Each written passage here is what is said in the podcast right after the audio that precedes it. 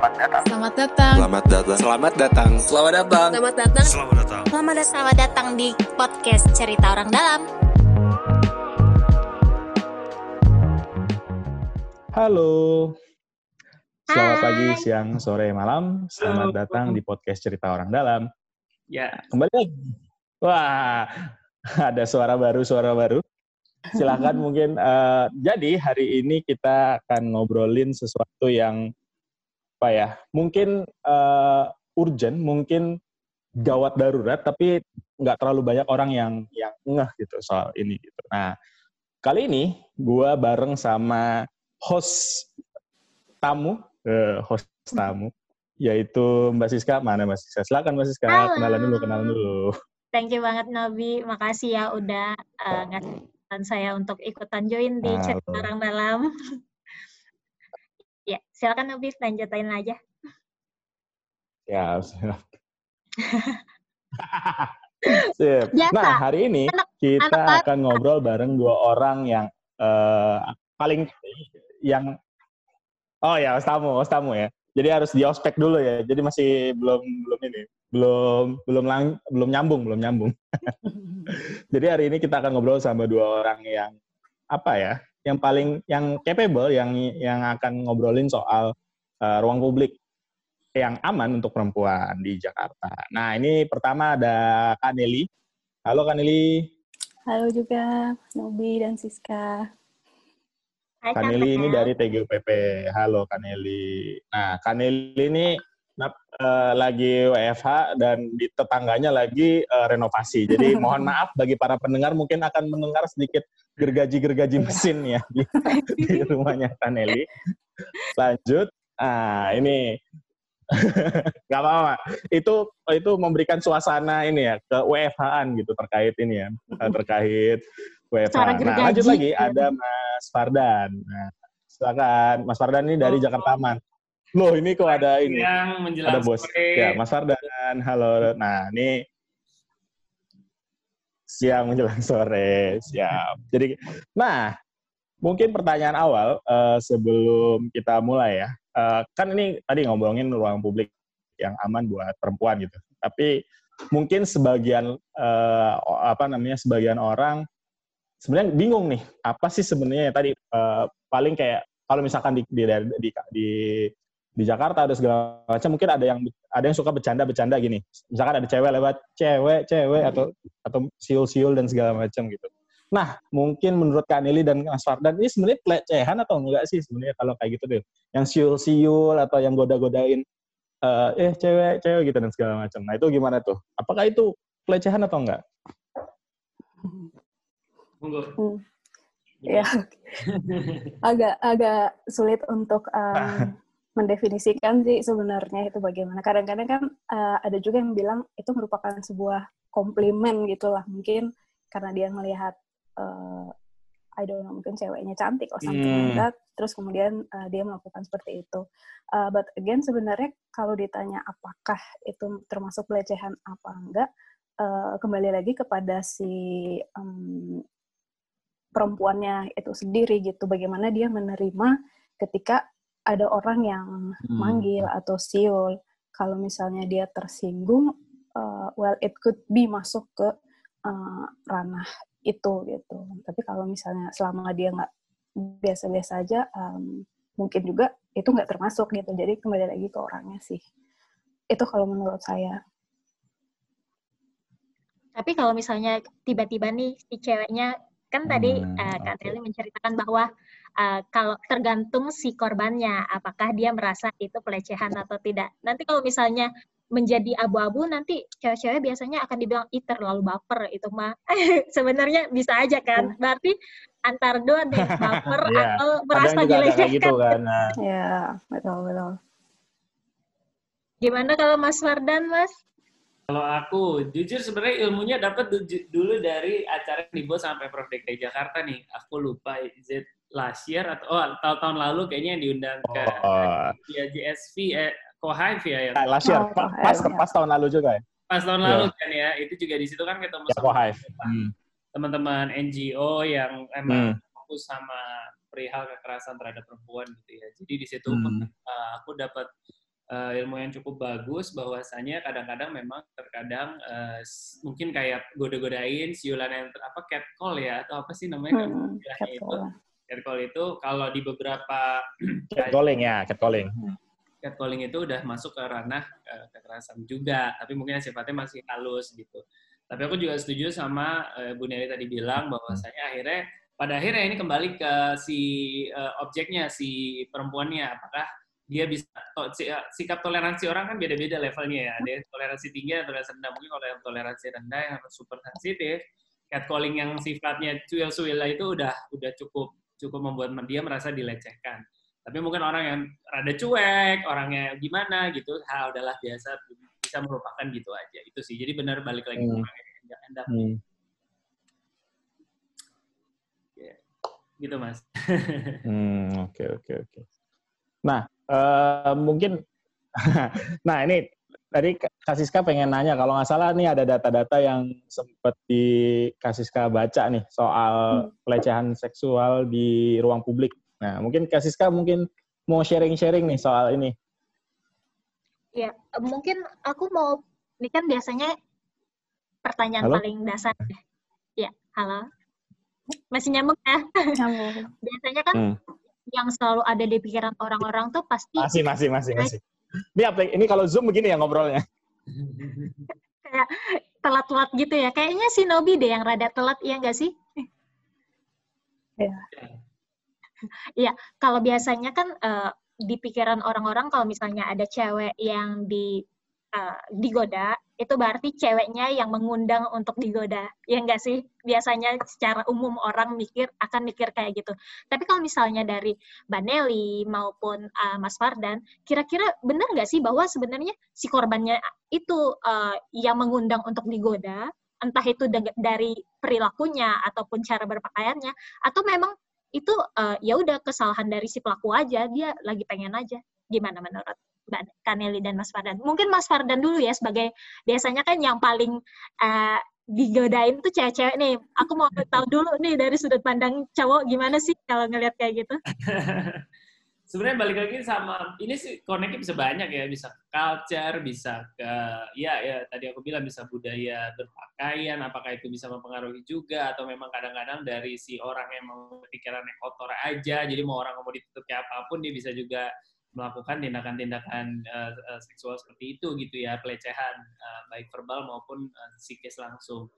Eh, tapi eh, menurut aku ya eh, aku selalu berpikir kayak eh, kita nggak boleh selalu jadi gini sebelum kita menyalahkan faktor eksternal kita harus ngelihat faktor internal dulu. Jadi kayak ngaca dulu sama diri sendiri gitu. Jadi aku sih tipe orang yang tidak mau eh, menyalahkan misalkan ya itu orang ber- ya dari dulu orang juga ada yang berpakaian seksi ada yang nggak ber- ada yang berpakaian tidak seksi. Tapi balik lagi apakah dia dilecehkan atau tidak balik lagi ke pelakunya gitu kan. Jadi lebih ke faktor internal sih mbak. Memang menurut aku memang di luar sana banyak predator-predator yang masih berkeliaran yang memang kita nggak tahu ya kadang-kadang backgroundnya apa sih kenapa sih dia melakukan itu gitu. Apakah nggak ada kerjaan aja atau memang pikirannya selalu negatif gitu jadi dia melakukan tindakan pelecehan kepada perempuan gitu sih jadi lebih kayak menurut aku lebih ke orangnya bukan ke eksternal Hmm. Memang berarti tergantung dari masing-masing orangnya ya Mas Fardan ya. Maksudnya dari sisi korban juga ayo coba ngelihat ada nggak sih salah satu hal yang kira-kira akan mengundang gitu kan ya. Kalau dari sisi pelaku ya eh, ya lagi pengen aja mungkin ya. Gak tahu deh aku. Kalau dari Kaneli gimana Kak?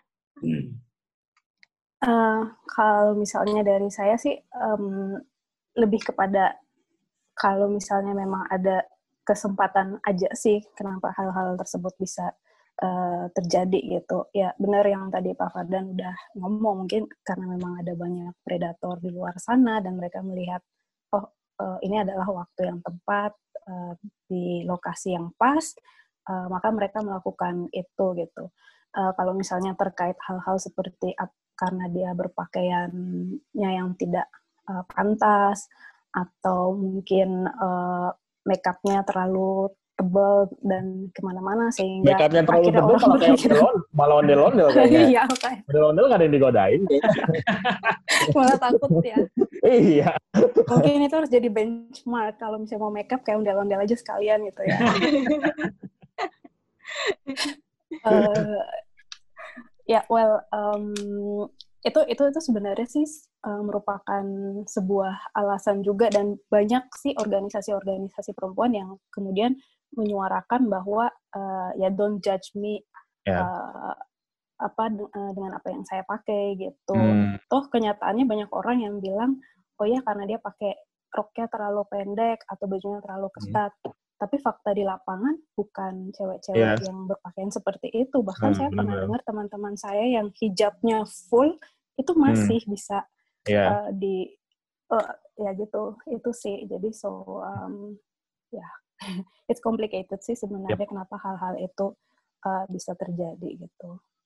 Hmm. Iya nih uh, tadi nyambung nih tadi Kanili bilang terkait yang mungkin yang bahkan korban yang apa ya berpakaiannya lebih, lebih tertutup dan segala macam kayak misalkan pakai hijab pun ada sekitar angkanya sampai 17% gitu yang uh, menurut data survei hmm. dari KRPA tahun 2018 nih Jadi kondisinya ya tadi um, um, mau gak mau memang yang harus ditekankan adalah si pelaku ini jangan sampai malah melakukan gitu bukan karena terbuka jadi boleh gitu kan tapi karena ya lu yang punya pikiran untuk untuk tetap apa ya tetap waras lah dalam tanda kutip. Nah nyambung nih eh, tadi kan ngomongin survei salah satu survei juga adalah ya tadi bahwa ada sekitar eh, total ya 46,8 persen itu responden yang surveinya itu dapat pelecehan gitu di transportasi di jalanan itu ada 28,22 persen terus di transportasi umum itu ada sekitar angka sampai 15,77 persen. Nah sebenarnya secara umum apakah memang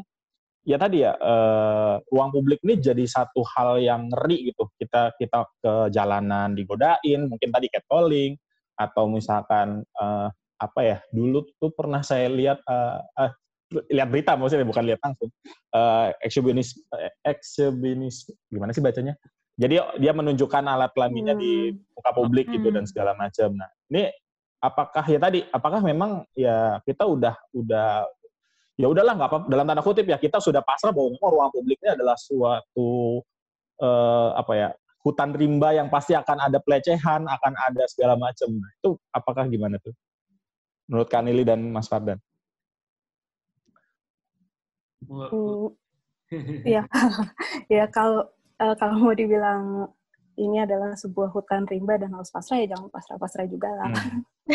uh, kita, I mean like uh, kita harus uh, paling enggak uh, set up kira-kira hal-hal uh, apa saja yang dapat membantu kalau misalnya hmm. hal-hal seperti itu uh, apa terjadi hmm, mengenai apakah mungkin lebih banyak uh, pelecehan itu terjadi di di ruang publik atau enggak uh, sebenarnya sih kalau kita berbicara tentang uh, kejahatan atau kekerasan terhadap perempuan maupun anak angka realnya itu sebenarnya paling sulit untuk uh, kita hmm. uh, apa secara definitif oh sekian loh gitu kita hanya bisa um, mengasumsikan gitu. Sehingga kalau mau dibilang lebih banyak, oh belum tentu.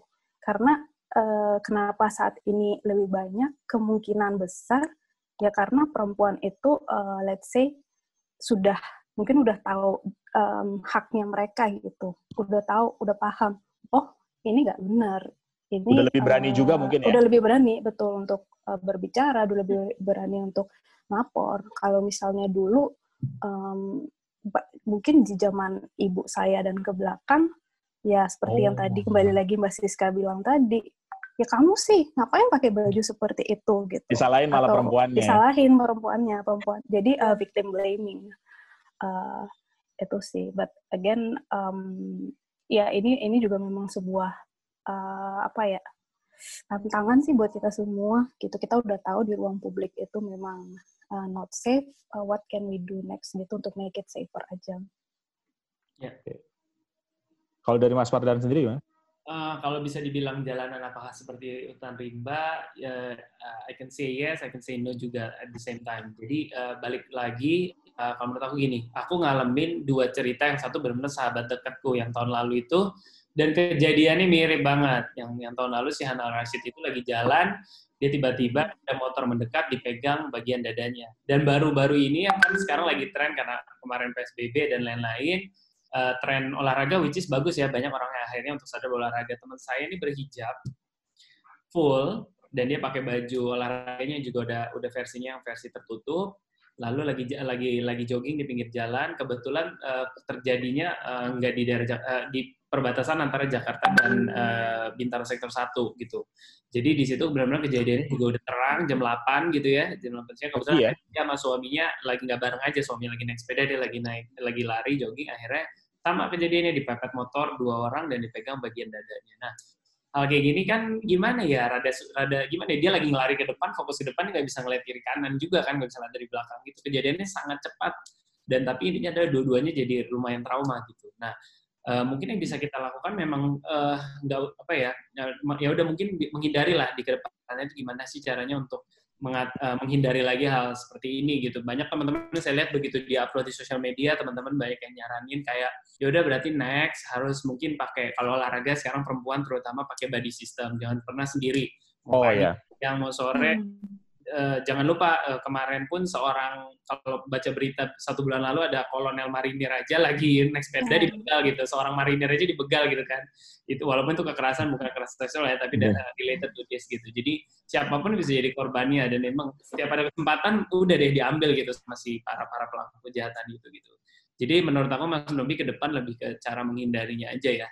Cara menghindarinya terutama hmm. perempuan uh, uh, menghindari sendiri lah. Sekarang karena menurut saya di keadaan sekarang ya, saya juga nih barusan lagi baca referensi ternyata di 2020 ini dengan naik apa dengan adanya pandemi COVID meningkat juga ternyata kekerasan terhadap perempuan gitu, terutama kalau ini di dalam ruang privat ya.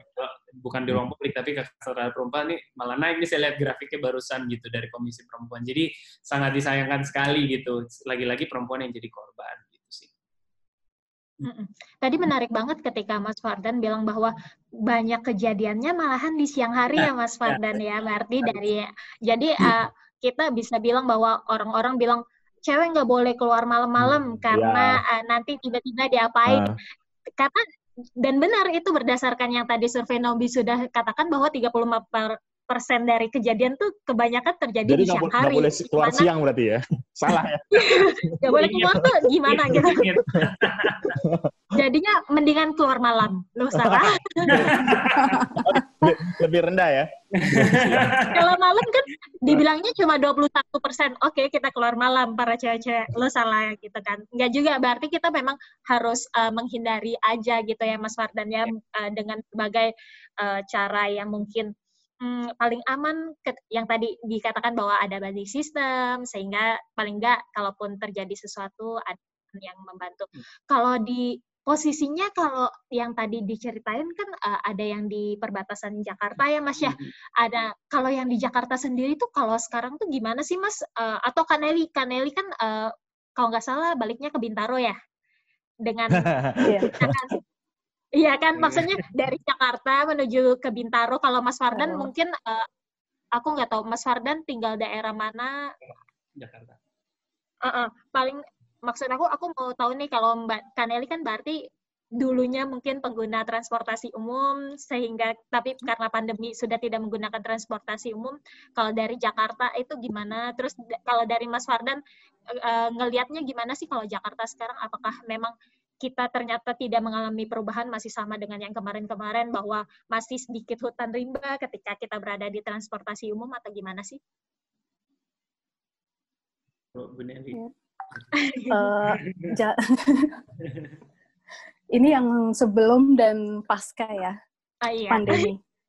Uh, jadi jadi kalau misalnya memang sebelum pandemi sih sebenarnya uh, cukup nyaman sih kalau menurut saya ya uh, sudah sudah jauh lebih baik dibandingkan uh, dulu gitu. Dan apakah kita kalau misalnya naik bus kan uh, dulu kan Kopaja, Metro Mini terus entah berapa hmm, kali hmm. kita uh, harus ganti. Terus uh, setelah turun dari itu pun harus naik angkot. Angkotnya pun remang-remang. Jadi uh, uh, memang ya, kurang itu, itu angkot apa warung ya remang-remang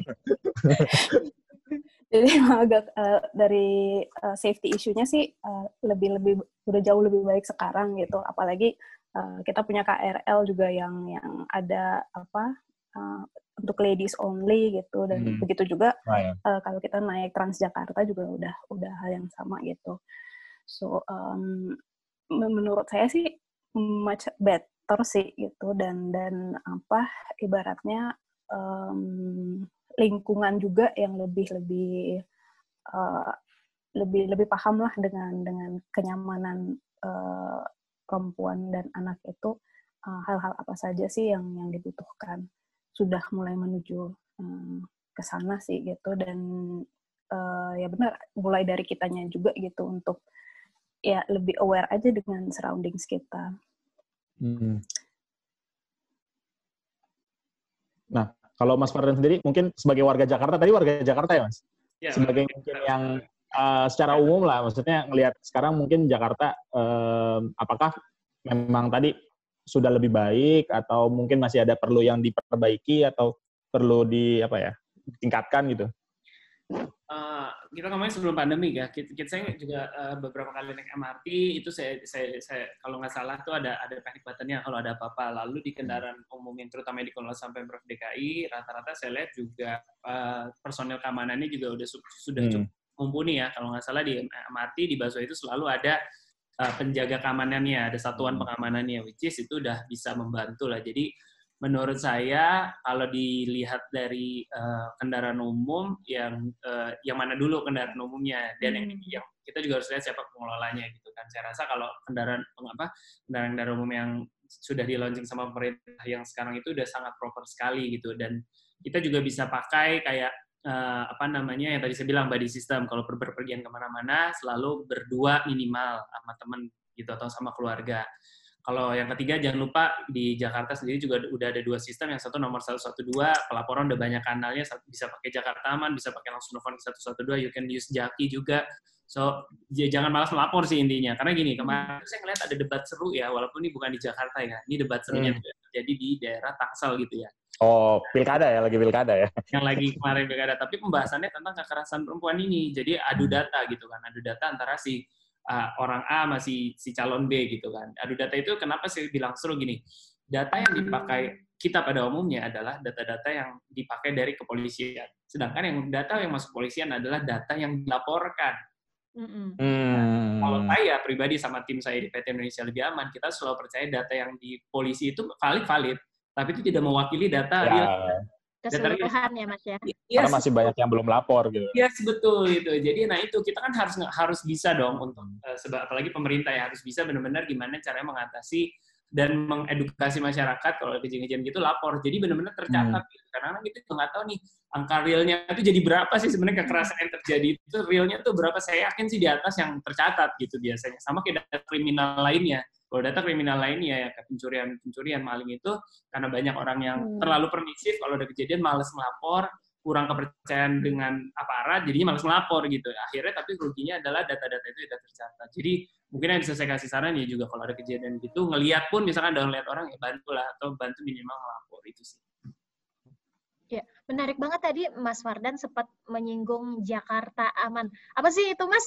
Jakarta Aman? Boleh nggak? Nah. Aku kayaknya uh, itu kayak slogan, apakah itu slogan ini maju gubernur gitu Mas, Mas Fardan? Jakarta Aman.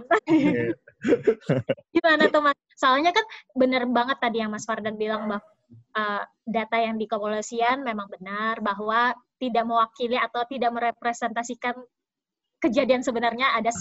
sejumlah berapa banyak karena kan ya kita tahu sendiri ya Mas ya kalau cewek-cewek biasanya kalau udah mengalami itu malahan kayak aduh aku bersalah aku kotor aku gimana gitu kan jadi nggak pengen orang lain tahu malahan gitu kan hmm. jadinya pengennya ya udah aku diam aja gitu kan nah gimana tuh Mas Jakarta Aman tuh kayak gimana sih Ya, jadi uh, Jakarta Aman sebenarnya programnya Bu Nelly nih sama teman-teman TGUPP. Kalau kita pelaksana. Uh. Ya, mungkin dari Mas Fardan terus atau dari Kaneli biar saling melengkapi nih. Iya. kita adalah pihak aplikator yang alhamdulillah dipercaya diajak kerjasama sama teman-teman uh, dari Pemprov DKI, sama Pak Gub, sama teman-teman dari TGOPP untuk membantu minimal mengurangi uh, dan menambah kanal pelaporan apabila terjadi keadaan darurat. Kita fokusnya sama keadaan darurat. Mungkin ada kanal-kanal lainnya juga untuk ada pelaporan keadaan non darurat kalau Jakarta aman memang berinya kita butuh keadaan darurat. Karena kenapa? Ini berawal dari kesadaran bahwa DKI Jakarta provinsi ibu kota provinsi tapi dengan tingkat kriminal paling tinggi se-Indonesia. Jadi menurut kita rada tanda kutip rada sayang sekali gitu. Harusnya kita menjadi kota paling aman dan lain-lain dan lain-lain. Tapi faktornya memang banyak. Itu Hmm. kita cerita di ada di lain hari karena bisa tuh makan berjam-jam. Tapi intinya adalah eh, Jakarta Aman ini juga de- dengan sama dengan kanal-kanal kanal-kanal provinsi yang lain ada ada Jaki, ada bisa lewat eh, Instagramnya Pemprov. Itu intinya adalah di mana masyarakat itu perlu memang kanal sebanyak-banyaknya untuk melapor apabila ada kejadian-kejadian darurat. Kita fokusnya ke darurat dulu. Dan menurut saya pelecehan seksual ini adalah keada- keadaan darurat juga. Nah, jadi dengan Jakarta Aman ini, eh, masyarakat juga bisa apabila terjadi pelecehan seksual itu langsung menekan tombol darurat yang kita sediakan di homepage. Kalau buka aplikasi, ada tombol merah gede, pencet aja, lalu eh, ada kategori yang muncul paling atas kiri sesuai pesan Pak Gup, itu adalah kekerasan anak dan perempuan. Kenapa? Karena saat di launching tahun lalu di, di bulan Maret 2019, Jakarta Aman itu memang eh, embrionya itu dibuat oleh Pak Gup dan tim, tim tim Gup untuk mengatasi kekerasan anak dan rumah tangga. Walaupun Hmm. ada turunannya lagi kriminali- kriminalitas, kebakaran dan lain dan lain. Tapi dulu saya ingat banget dulu Bu Ferry Ferry juga bilang bahwa ini di launching untuk membantu pelaporan apabila terjadi kekerasan eh, pada perempuan dan anak pada khususnya. Gitu. Hmm, oke. Iya, ini berarti dari aplikasi nih, Mas Ya. Novi. Iya kan? Jadi bisa pencet langsung tiba-tiba superhero datang gitu atau gimana? please, Iron Man, please. ya, kalau dari Kaneli gimana Kak? Dari uh, mungkin aku nggak tahu, mungkin kan uh, Mas Fardan berarti aku kebayangnya lebih mengimplementasikan apa yang tim Kaneli uh, Hmm. rancang di sebelumnya. Gimana sih Kanel? Uh, boleh diceritain nggak Kanel? Sebenarnya eh, the brilliant idea-nya itu justru memang came from timnya Pak Fardan sih. Jadi Eh, saling kita- memuji ya. Ini saling memuji atau saling melemparkan? Beda tipis nih. Uji kita juga nggak apa-apa. iya. Enggak, tapi eh, ya sih memang eh, waktu itu eh, saya juga kebetulan nih masuknya juga agak eh, di di tengah-tengah gitu. Em, ketemu eh, dengan Pak Fardan dan tim dan juga waktu itu eh, langsung ditempel dengan salah satu SKPD kita yaitu eh, BPBD ada Pak Iwan waktu itu di situ.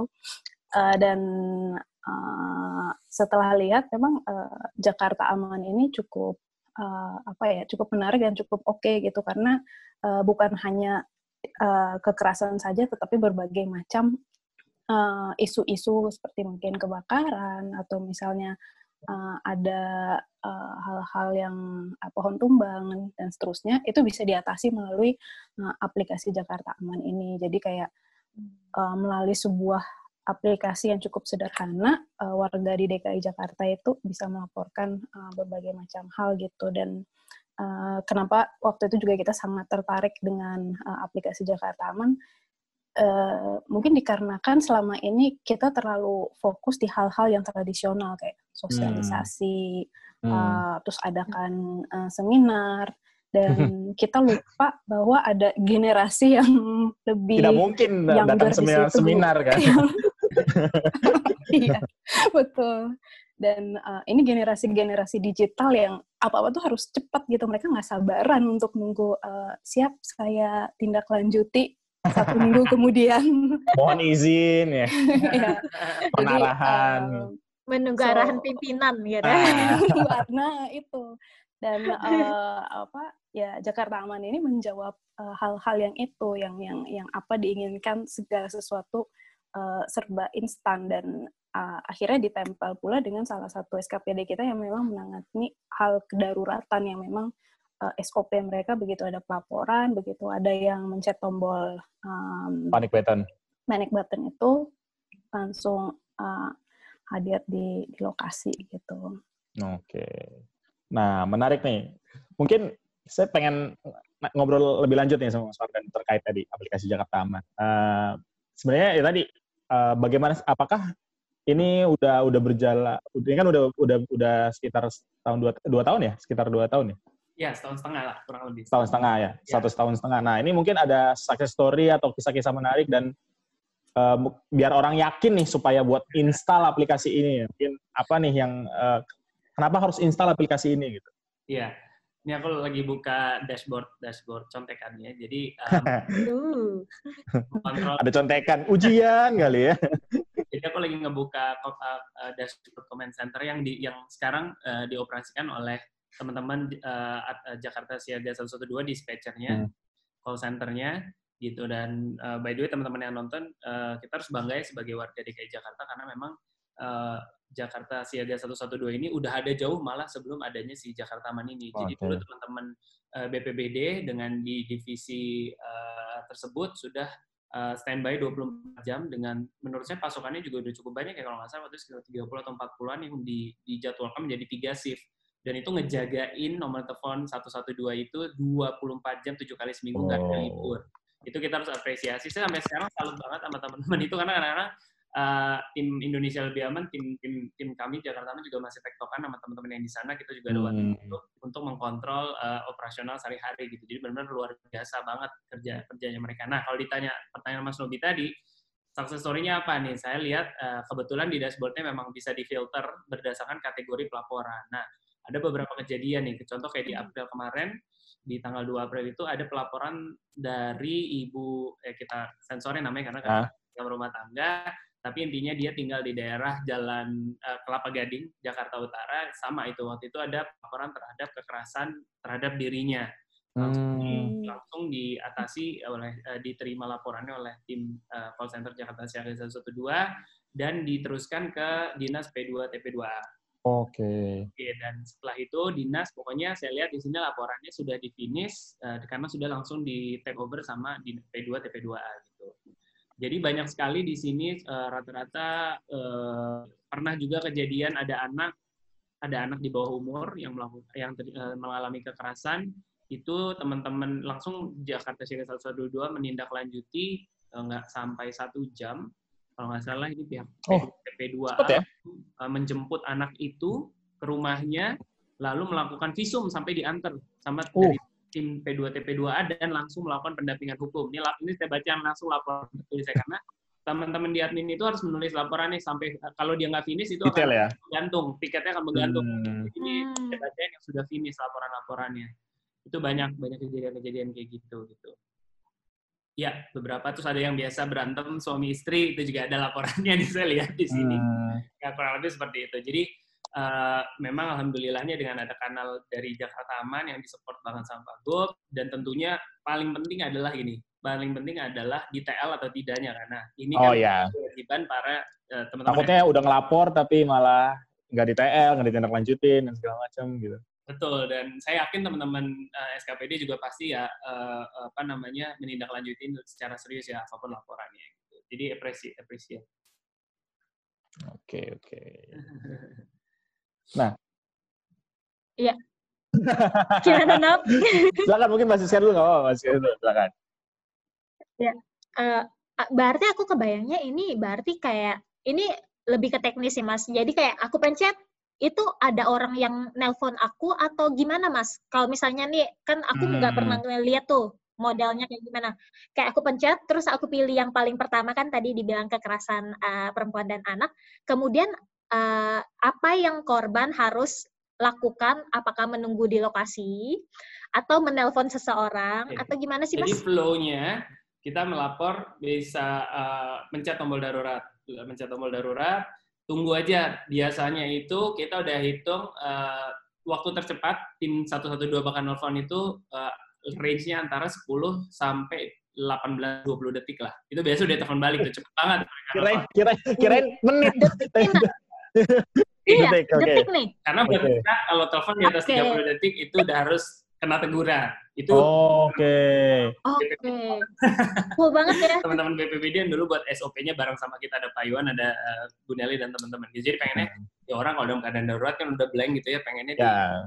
di cepat juga. Nah, nanti yeah. tinggal terima telepon nih misalnya Mbak Siska yang chat, Mbak Siska tinggal nunggu aja, nanti ada teman-teman dari uh, 112 nelfon, nanti akan ditanya, uh, kenapa lagi posisinya, uh, nanti pertama akan dikonfirmasi dulu Mbak Siska, benar dengan Mbak Siska misalkan gitu ya oh benar. Terus langsung kelihatan di sini hmm. alamatnya. Cuma nanti perlu dikonfirmasi karena begitu mbak pencet titik nolnya mbak tuh kelihatan. Benar-benar alamat sampai nomor rumahnya itu biasanya kelihatan. Ya. Ah oke. Okay. berarti ketika uh, saya maaf tadi uh, motong dikit Mas Fardan. Uh, berarti ketika saya masukin uh, maksudnya ada aplikasi itu kan saya daftar hmm. sign in dulu kali ya Mas ya. Tapi ketika di mana pun saya pen, uh, klik panic button, itu titik nol saya di lokasi Ya, saya saat betul. itu. Di tempat Bang ngelapor. Oke. Jadi Ya. misalkan kalau Keren. kena pelecehan di Keren pelecehan di jalan dan segala macam juga bisa pencet panik button ya. Ya, di- bisa Hmm. siapa tahu ketika kejadian itu berlangsung di sekitar lagi ada satpol pp teman-teman satpol pp kan juga bisa ikut membantu Oke. atau misalkan Oke. butuh butuh polisi misalnya Jakarta 112 itu di kantornya di BPBD itu udah punya telepon langsung disebutnya apa ya telepon angkasa itu ya yang langsung telepon ke Polda Hmm. Itu lebih cepat daripada kita menghubungi langsung pada Oh, pelaksanaan ini kita udah protes lebih cepat 112 yang telepon langsung lewat si saluran angkasa itu namanya itu Oh. polisian itu langsung oke. diangkat ya gitu jadi memang banyak advantage-nya dengan melapor via 112 telepon atau via eh, aplikasi Jakarta Aman gitu Oke, berarti memang lebih ini Ya. top. Ini intinya adalah ada jalur. kayak kayak ini ya, kayak kayak kayak judul podcast ya. Cerita orang dalam. Jadi emang jalur-jalur dalam ini perlu ya karena ya tadi eh, karena respon cepat ya namanya kondisi misalkan tadi ya lagi ada pelecehan atau misalkan kekerasan eh eh, para perempuan dan anak itu memang perlu respon cepat dan perlu ya tadi kalau nunggu mesti Iya. berapa menit atau bahkan mungkin berapa hari ya udah keburu ya inilah Hmm. gitu kan. iya iya iya betul Nah, Ini lanjut lagi nih. Eh silakan Mas Aryan. Ada ngelihat di 6 Oktober 2020 ya kurang lebih satu setengah bulan yang lalu ya. Hmm.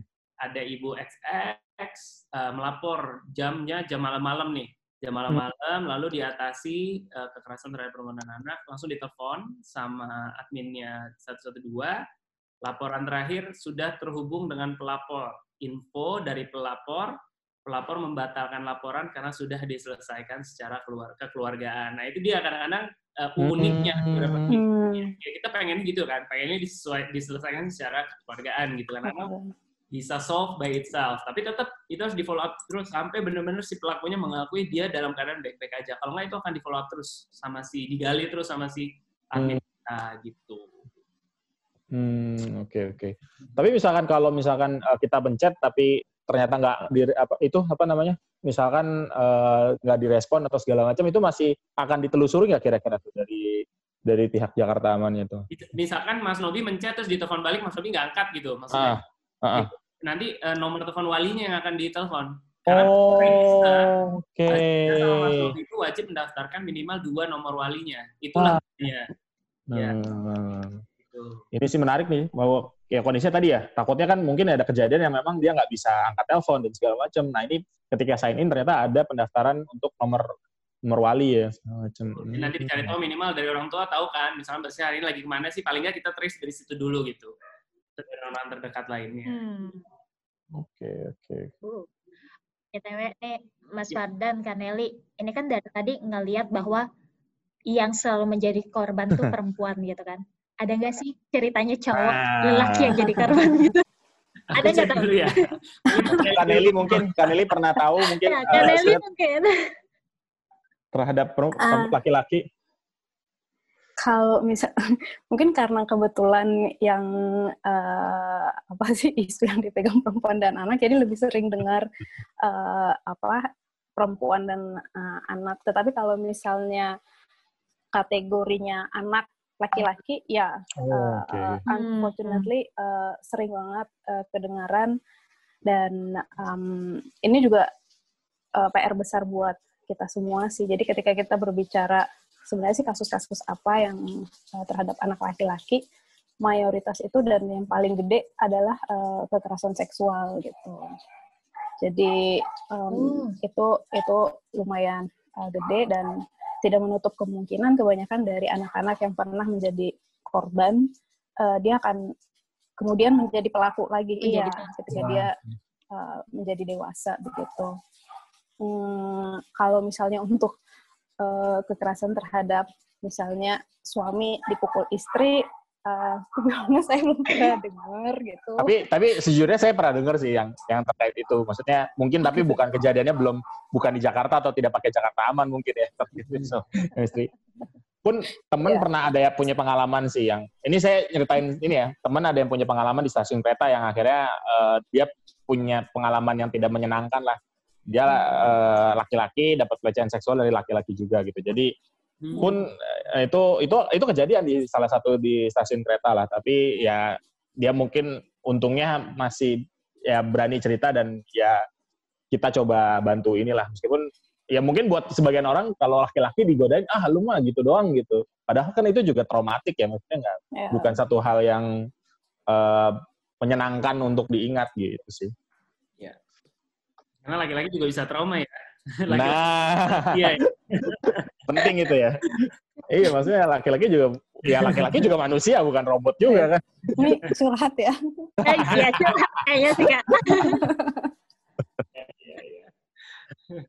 Nah, eh, lanjut nih. Eh, mungkin dari tadi kan mungkin dari Mas Fardan ya sebagai aplikasi aplikator nih dari Jakarta eh, Jakarta Aman. Nah, mungkin dari Kaneli nih se- sebenarnya dari dari dari Pemprov DKI sendiri apa sih mungkin yang udah dilakuin? Apa sih mungkin kebijakan-kebijakan yang memastikan tadi bukan cuma perempuan dan laki-laki dan anak-anak dan segala macam bisa lebih aman gitu di eh, apa namanya di Jakarta gitu atau misalkan mungkin nggak sih eh, bisa kasih kayak atau, atau mungkin kayak saya kepikiran ya mungkin ada nggak sih kayak edukasi tadi kan mungkin kalau yang sosialisasi dan seminar mungkin nggak nggak ini ya tapi siapa tahu mungkin buat yang eh, apa namanya kan ada kalau nggak salah ada KJP ya ada KJP atau KJMU mungkin ada nggak sih kayak mungkin buat mereka yang memang eh, masih eh, bisa ini ya bas- masih mau lah menerima sosialisasi dan segala macam gitu yang dari KJP atau KJMU gitu edukasi terkait ya tadi mungkin pelecehan aja mereka catcalling tuh mereka nggak tahu tuh eh, pelecehan atau enggak gitu nah itu nah itu gimana Nelly? Hmm, ya. Jadi uh, mungkin ini ada dua pertanyaannya terkait uh, apa saja yang dilakukan Pemprov, terus kemudian yang sosialisasi. Uh, mungkin yang pertama dulu nih uh, terkait apa-apa saja.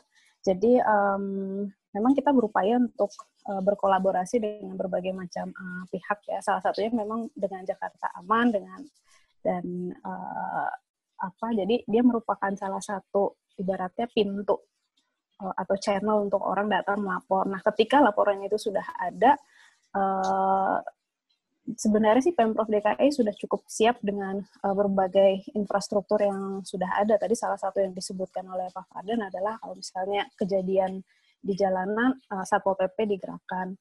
Uh, mungkin agak teknis sedikit, ibaratnya gini, kayak kalau laporan masuk di uh, Jakarta Siaga 112, BPBD, mereka akan melihat kira-kira ke, uh, ke mana saja uh, perlu di TL. Kalau misalnya memang dia ada di jalanan, ya kemungkinan besar dia akan di uh, langsung diteruskan kepada satpol pp terdekat di lokasi uh, korban itu berada.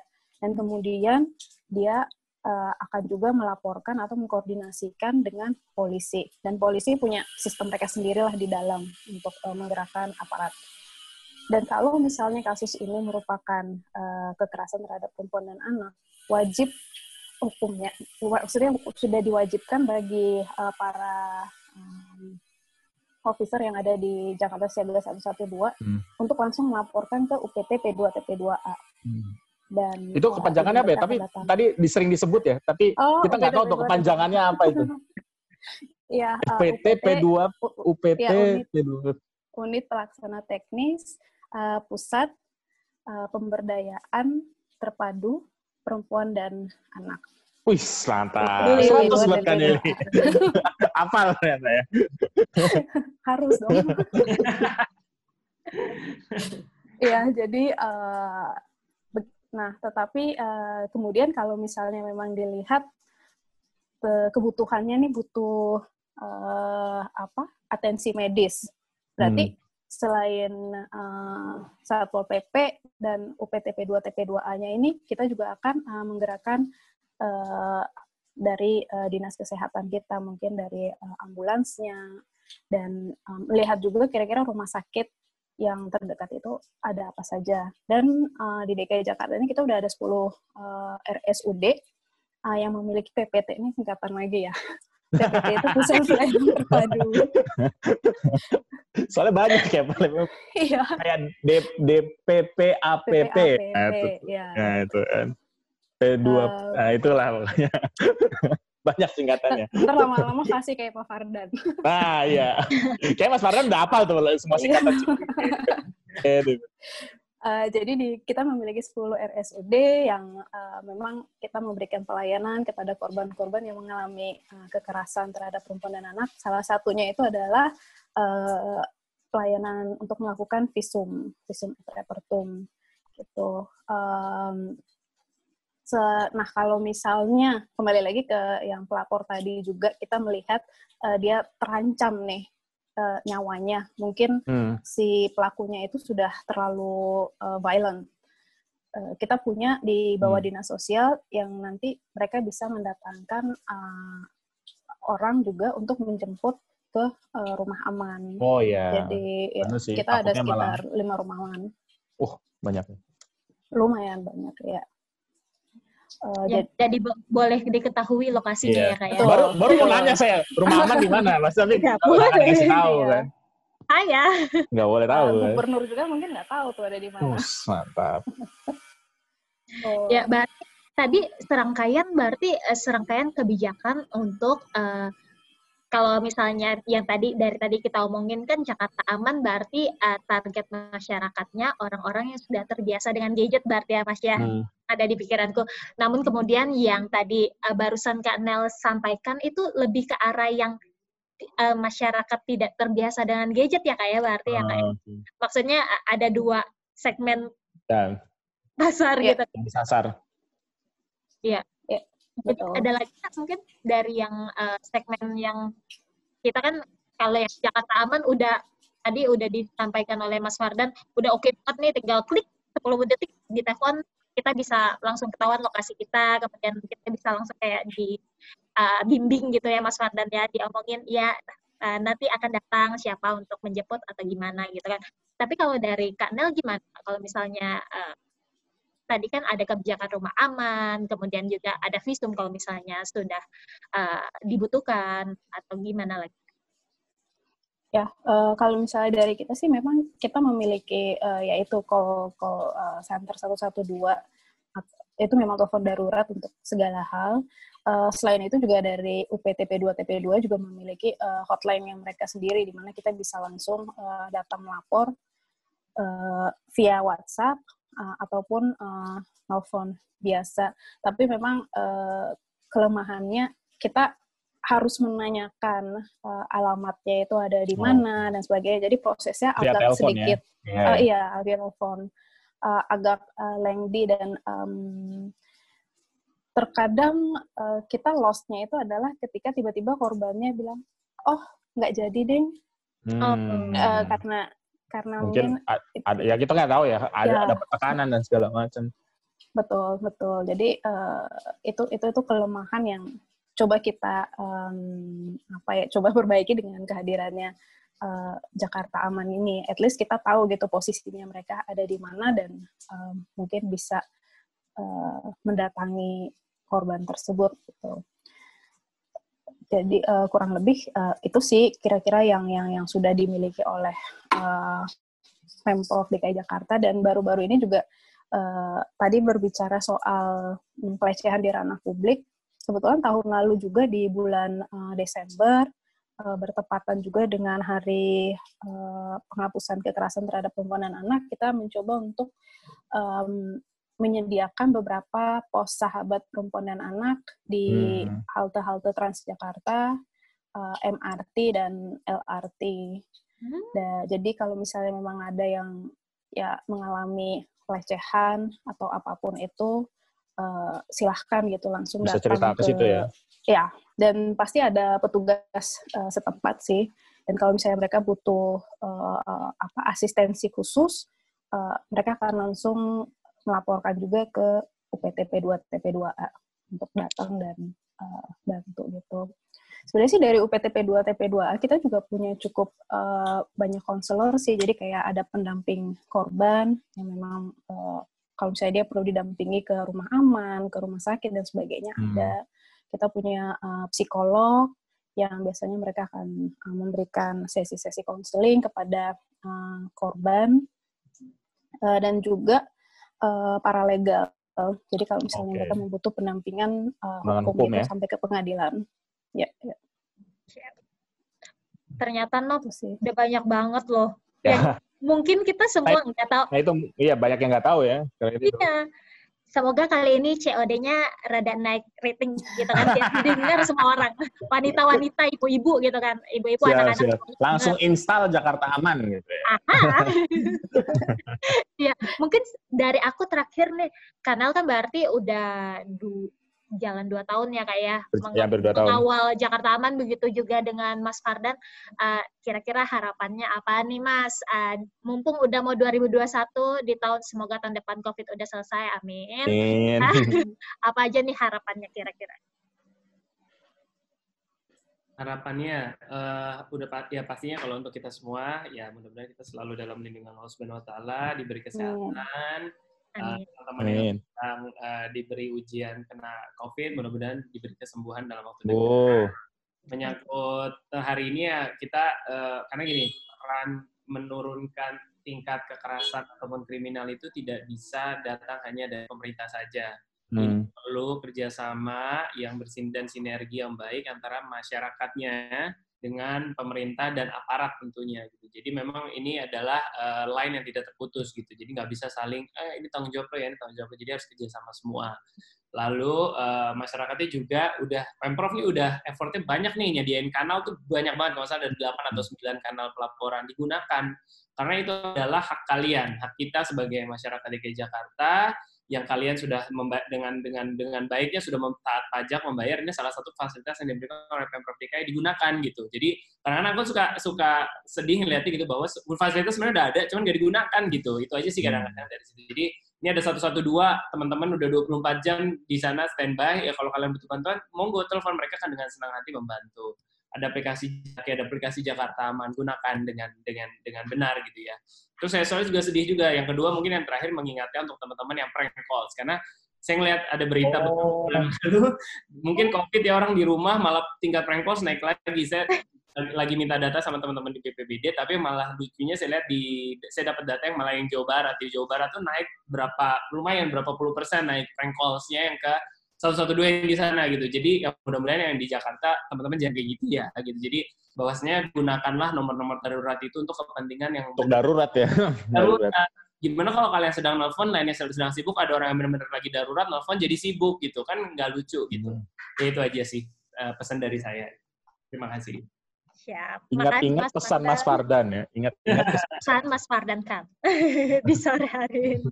Ya kalau dari Kak Nelly eh, yang tadi juga sebenarnya benar banget yang Mas Fardan sampaikan ya itu yang eh, kanal-kanal itu yang CRM bukan sih Mas ya yang ada 14 kanal ya ya 14 ya malah tuh udah 14 tuh Itu banyak banget berarti ya Mas ya. ya kalau dari Kak Nelly gimana Kak? Kalau Harapannya? dari saya sih harapannya itu lebih ke ya mungkin mengikuti tagline kampanye 16 hari yang sedang kita lakukan. eh, jangan takut melapor, jadi Oke. eh, berani berani lapor aja begitu. Em, tidak perlu terlalu memikirkan apa yang orang la- orang lain bicarakan atau pikirkan. Lebih baik eh, kita mengutamakan eh, safety kita saja. Em, ini bukan saja ke terhadap eh, mungkin eh, ibu-ibu atau Hmm. eh, kakak-kakak, adik-adik atau anak-anak di luar sana yang yang yang menjadi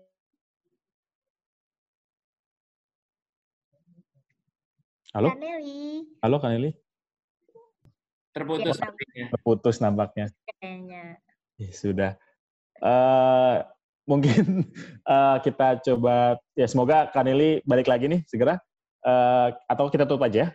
Eh, udah banyak banget yang di diobrolin nih sama Mbak Siska sama Mas Fardan juga. Semoga tadi ya jangan takut melapor. Eh, install Jakarta aman untuk kepentingan darurat dan segala macam dan semoga ya tadi eh, jangan salahkan korban juga. Dan kita tutup. eh, jangan percaya dengan kita yang omongin karena kita cuma ngebacot. Bye bye.